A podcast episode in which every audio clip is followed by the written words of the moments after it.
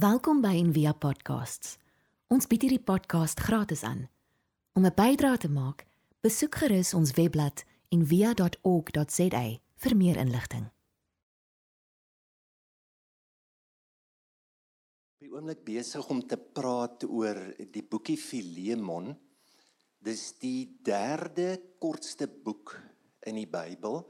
En ek weet nie of iemand al vir jou aangehaal het uit Filemon, soos jy weet Johannes 3 vers 16 of iemand al vir jou sê Filemon 1 vers 20 of baie mense weet nie eers dat die boek in die Bybel is nie.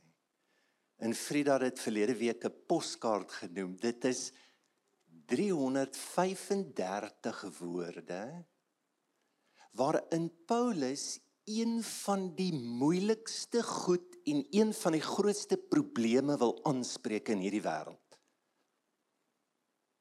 En dis die ongelykheid van mag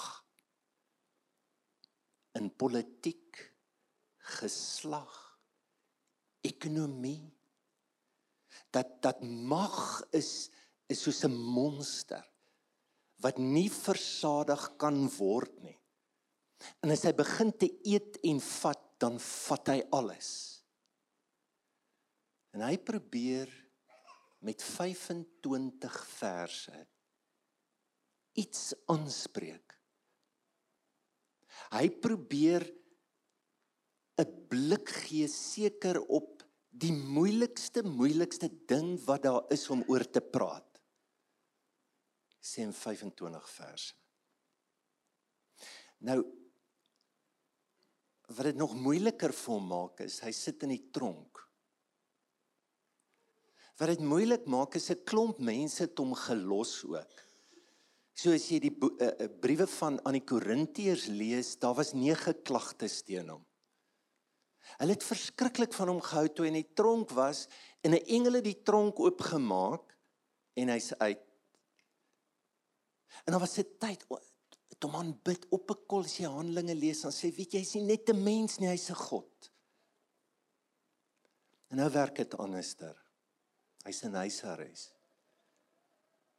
Hy hy soek nie daar's ook nou nie meer engele nie wat hom help nie. Hy's 'n tyd in sy lewe dis 'n verskriklike moeilike tyd. En dan gebeur hierdie probleem. Hy's in Efese naby Efese se dorpie Kolosse waar die brief van Kolossense is aan hulle geskryf. En in Kolossense bly daar 'n baie ryk man Filemon. En dit was so dat ryk mense het slawe gehad. En hy het 'n slaaf gehad wat weggehardloop het. Hy het geëiwel. Onesimus. En ons weet nie wat daar gebeur het nie, maar ek vermoed Onesimus het ook nie sy kant gebring nie. En dis 'n probleem want jy te slaaf is 'n belegging.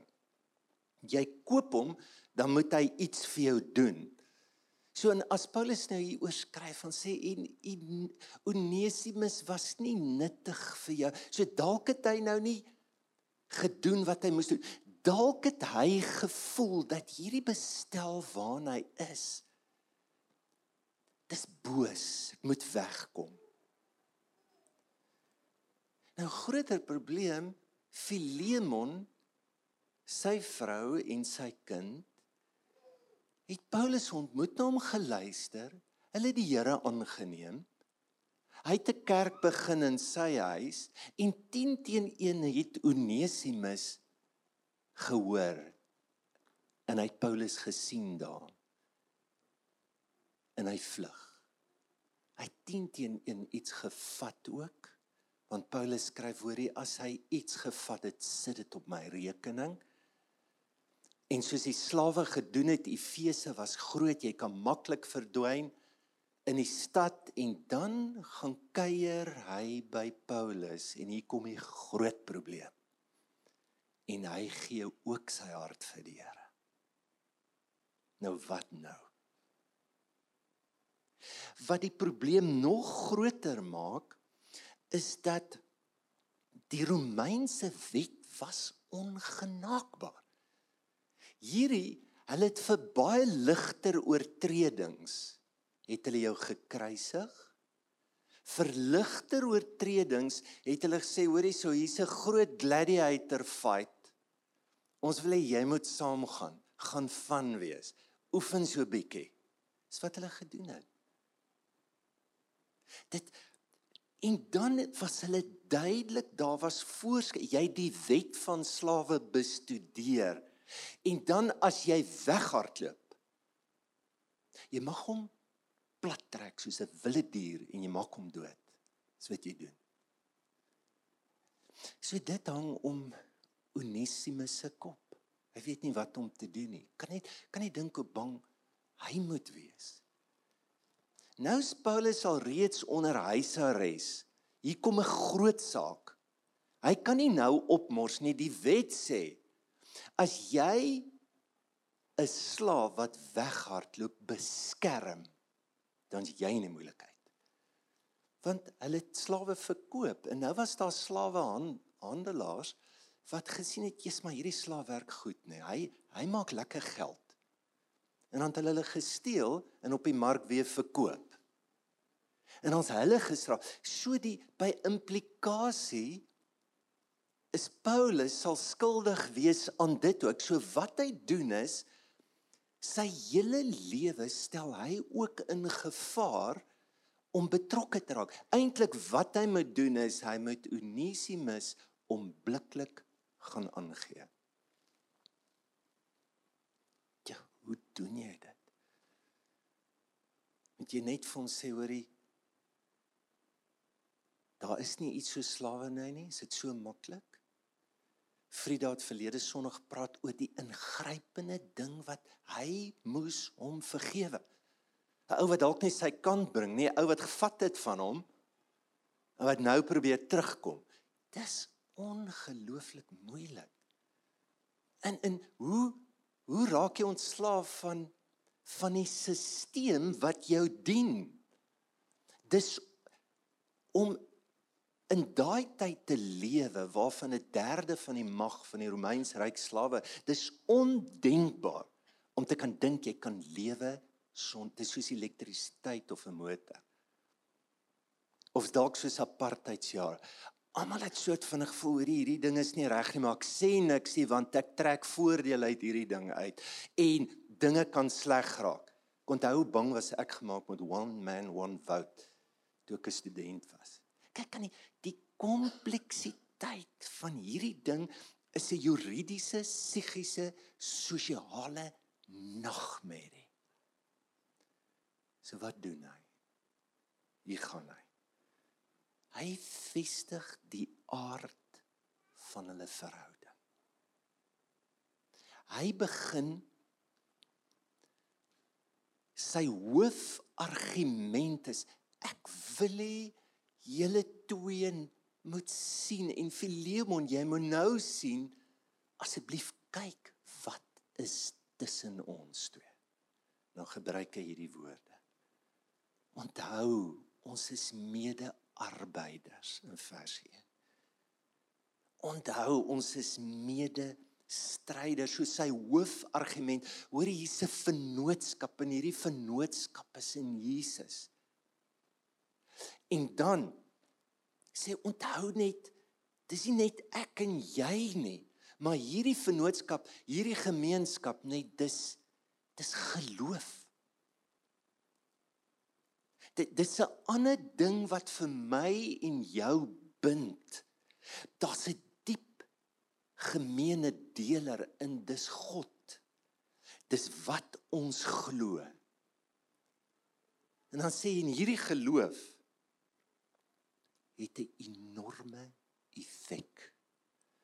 Die Engels sê dit verskriklik mooi en ek gaan net nou vers 6 iets sê realizing every good thing that is at work in us. So vir lewe en ek onthou ons is saam nê. En weet jy wat daar's daar's 'n groot ding tussen my en jou. Ons glo.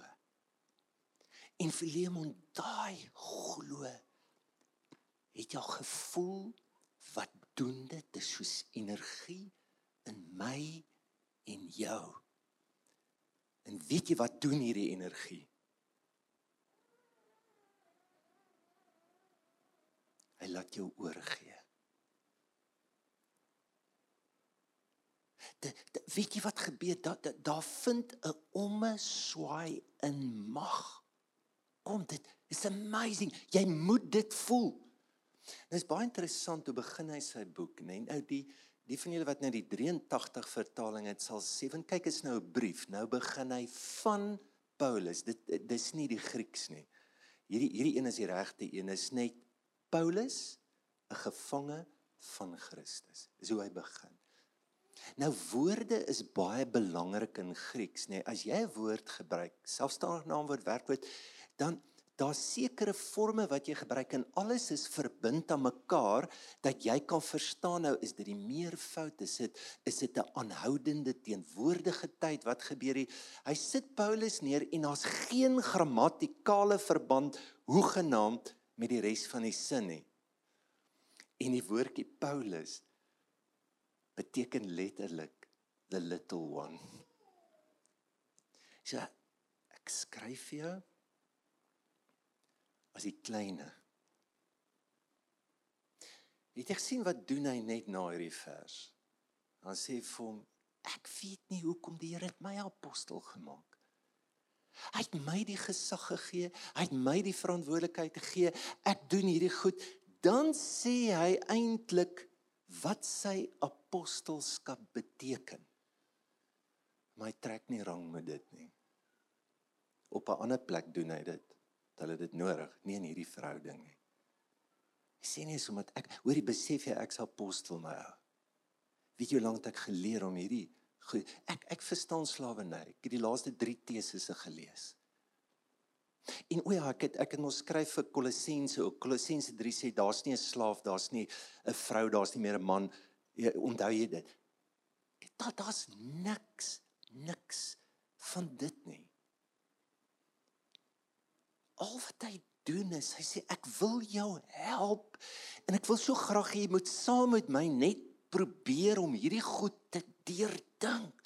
Hou dit vas en hoe hy dit vashou is ek is die kleine. En kyk bietjie hoe praat hy. Dis is die mooiste woorde. Hy sê maybe it looked like this. Sien nie dis hoe dit is nie. Dis mos hoe ons die Bybel gebruik. Hy pluk nie 14 tekste uit en misbruik mag wat ons spesialiseer in die kerk mee. Weet jy wat? Ek dink miskien, miskien, miskien, ek weet nie. Dit is dalk dit. It's amazing hierdie persoon se wysheid, sy hart. En hy hierdie saak vashou maar in 'n gees wat hy net na Filemon toe kom. Wat wat kan ons leer? Die, hoe hoe hoe kan ons die kleine word? Hoe kan ons ook die taal hê van miskien? Hoe kan ons van die grootste moeilikste goed in hierdie land in ons eie lewe, hoe kan ons dit vashou? Wat dit jou lewe kan kos as jy dit doen. Dis wat hier gebeur. Ek dink in die eerste plek word net ouer asseblief. Jy gaan oorgee. Dit is vir my amazing as jy met ou mense praat of ouer mense Hulle sê vir jou sê, weet jy wat vandag lag ons oor die goed waaroor ons beklei het. Daar is hoop vir jou. Hou net nog 'n bietjie uit. Dan relax jy. Jy gaan oorgee. Dit is nie meer belangrik nie. Nou kyk hoe skryf hy. Hy sê ek Paulus is 'n ou man. Hy's 62 en nou ook 'n gevange van Jesus Christus pleit ek by jou vir my kind Onesimus wat ek verwek het in my boeye. Praat hier van sy bekering. Hy het hom na die Here toe gelei. Sê en ek pleit as 'n ou man. Nou onthou ek dink nie hy praat hier net van ouderdom nie en jare nie, want hy het 'n ander idee ook oor ouderdom. Korintiërs 13 in die middel toe ek kind was het ek gedink en geredeneer. Nou sukkel maar so Jy kan lief hê as 'n 6-jarige. Jy kan lief hê as 'n 16-jarige. Jy kan lief hê as 'n 40 jaar. Jy kan lief hê as 'n 60. Is heeltemal heeltemal iets anderster in die manier en die hoeveelheid liefde wat jy kan gee. Wat doen 'n pa as jy ek ek sê op pa? Wat doen 'n pa?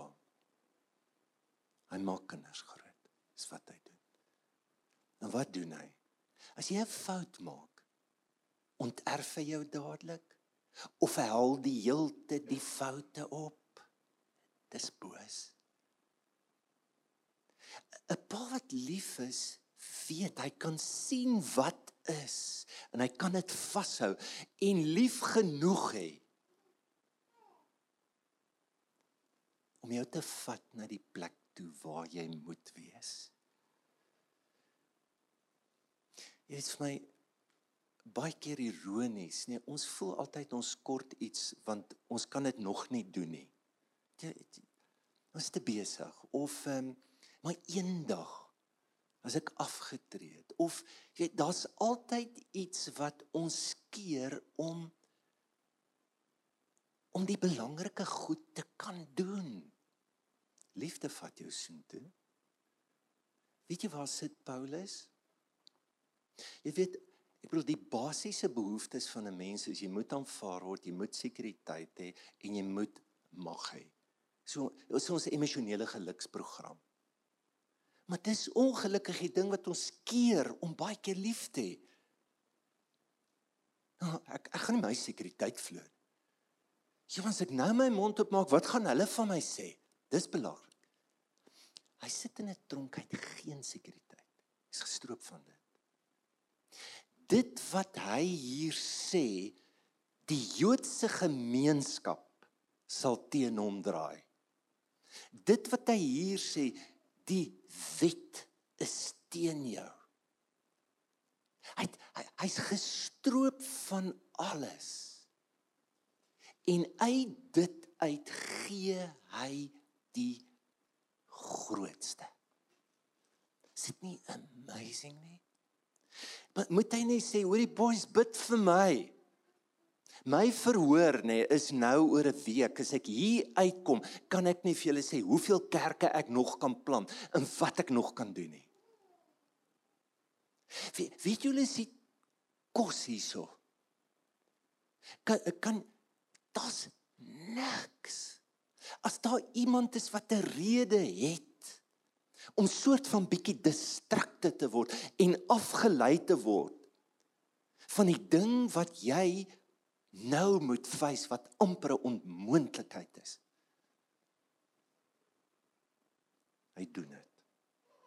Nee, die tweede ding oorgawe kom deur gebed en liefde en ek weet dit klink eenvoudig is presies dit waarmee ons sukkel. Hoe weet jy begin hy? dank God as ek aan jou dink. Het jy al jou denke gekombineer met gebed? Dis verskriklike goeie ding. Nou gaan jy agterkom maar sekere goed wat jy nie moet dink nie, want jy kan nie bid daaroor nie. Jy moet vergifnis vra vir dit. Ja, is dit nie? Jesus ek, ek dink nou aan jou, weet jy wat? Ek wil net vir die Here dankie sê vir jou. It's amazing. So die die die hele ou poskaartjies, dit is eintlik maar 'n gebed. Dis nie oppervlakkigheid. Hy respekteer sy gevoelens, sy vrese. Hy wil nie 'n argument wen, maar 'n vriend verloor nie. Hy wil nie dit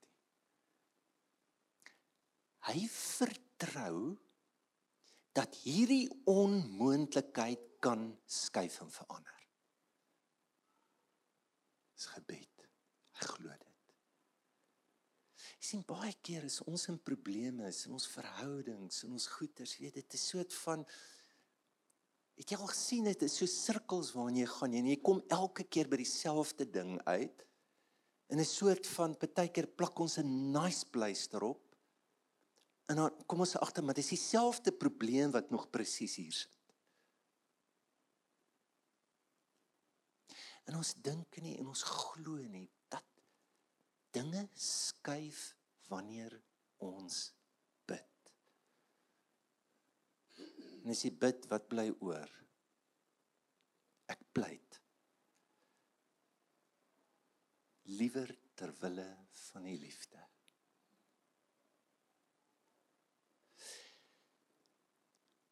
Ons het nie tyd, maar hier's hier's iets baie groots wat hy hier doen oor vaderskap ook, wat hy dekonstrueer. Want 'n pa in daai tyd het lewensreg oor sy kind gehad.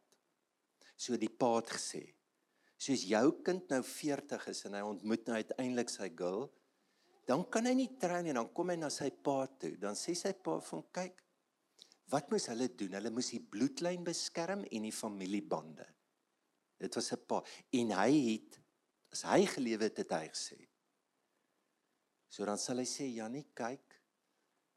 Hierdie is net 'n hormoonversteuring, maar hy, jy weet, hulle is nie so goed in sport nie, nê? Onthou dit. En akademies ook nie. Daar's 'n baie baie baie oulike girl. Sy's ook 'n bietjie jonger. En dan dan het net geneem presies so belaglik net die hele party. Hy vat dit aan. En die feit dat hy sê ek is jou pa hy gebruik dit glad nie as 'n geweer. Al wat hy sê wil jy dit nie oor nie? Weeg ek is sy pa. Ek sê nie dit moet so wees nie. Sit hierdie goed op op my rekening hy hy kom in op 'n manier en dan is hy braaf genoeg om in 25 verse 6 keer die woord Here te gebruik. Die woord wat hy gebruik is kurios. Dit was net die titel wat jy vir die keiser kon gee. Dis die hoogste gesag. Ek sê hoorie so. Kan ek vir jou sê ek settle nie vir hierdie stelsel. Nog minder vir 'n idee van vaderskap. Kom ek sê vir jou wat 'n vader doen is dat hy lief. En en en dis wat ek nou is. En hoorie, so by the way, ek is net die dienaar van die Here van die Kurios. Ses keer. Dit dit dit moet arme Filemon se verstaan en al wat hy weet van hoe die empire werk want die empire help hom verskriklik baie. So kom hy ook soveel geld het. Verkrummel. En dan net die laaste ding, ek sluit af. Oorgawe om jou na hierdie plek toe te vat. Is nie om jammer te wees nie. Is nie om nice te wees nie. Dis om iets te doen. Kyk net na hierdie skrif weer vers 6. Hy sê ek bid dat die geloof wat ons met mekaar deel, so julle saam in dit, jy sal sien jy ervaar dit ook. Die bid wat ek het in goed dit dit dit dit het 'n effek. Hy sê jou 'n diep insig sal gee in al die goeie dinge wat ons vir Christus kan doen. Die woordjie insien, ons maak onmiddellik die afleiding. O, okay, nou verstaan ek. Die woordjie insien in die Grieks is en ergo. En ergo, kan jy hoor? Energie. Dis wat jy doen as jy bid. Die energie, met ander woorde die teenwoordigheid van God in my bring 'n nuwe blik en verstaan. Weet jy wat se probleem? Baie van ons wil nuwe dinge sien. En dan lees ons nuwe goed en dit is wonderlik. Met jou agtergekom niks verander in jou nie. Behalwe dat jy excited raak oor net nog 'n nuwe idee. Jy het iets by nodig. Jy het 'n werking nodig van God. Ja, en ek hou verskriklik van Paulus. Hy soort van hy skets die hele landskap nê. Nee. En dan kom hy in. En dan sê hoor hierso, net vir jou sê. dis nou hoe dit gaan werk hierso. Dis hoe ons dit gaan doen. En dan sê hierdie woorde en ek dink verwelkom Onesimus as my. Kyk, 'n geweldige ding, hè. Ons is almal deel van mekaar. Dit dit is dieselfde God wat wat hom geskaap het, jou geskaap het. Dit dit wat jy aan iemand anderster doen, doen jy aan jouself. Dit dis die argument. Hoor net hoe mooi sê hy. Hy sê daarom is ek nie bang om vir jou te sê wat Christus wil hê jy moet doen nie. Dis duidelik. Ag om af te sluit. Dalk is jy in 'n wurg nou. En is ongelooflik kompleks en is moeilik. Wil ek vir jou sê hou vas. Jy gaan ouer word. Jy kan ook geestelik. Wil jy nie geestelik groei? Wil jy nie kapasiteit in jou hart bou om groter dinge te doen? Wanneer jy voel jy kan niks doen, het jy die grootste, die meeste om te kan gee. En ek wil saam met jou glo, daar's 'n energie, daar's 'n werking. Kom ons bid saam. Here, dankie vir wysheid. Here, dankie vir vaders vir moeders. En dankie dat elkeen van ons wat hier sit dit ook dra en dat u begeer om ons groot te maak, ons te vat. Dat ons so die onmoontlike kan instap, kan deurstap. Dankie vir mense, Here. Help ons om mekaar te sien as een. Help ons om die geloof te ervaar waarin ons deel wat alles alles verander en selfs die wêreldstelsel in hierdie land waarvoor ons so lief is. Ek dank U daarvoor in Jesus naam.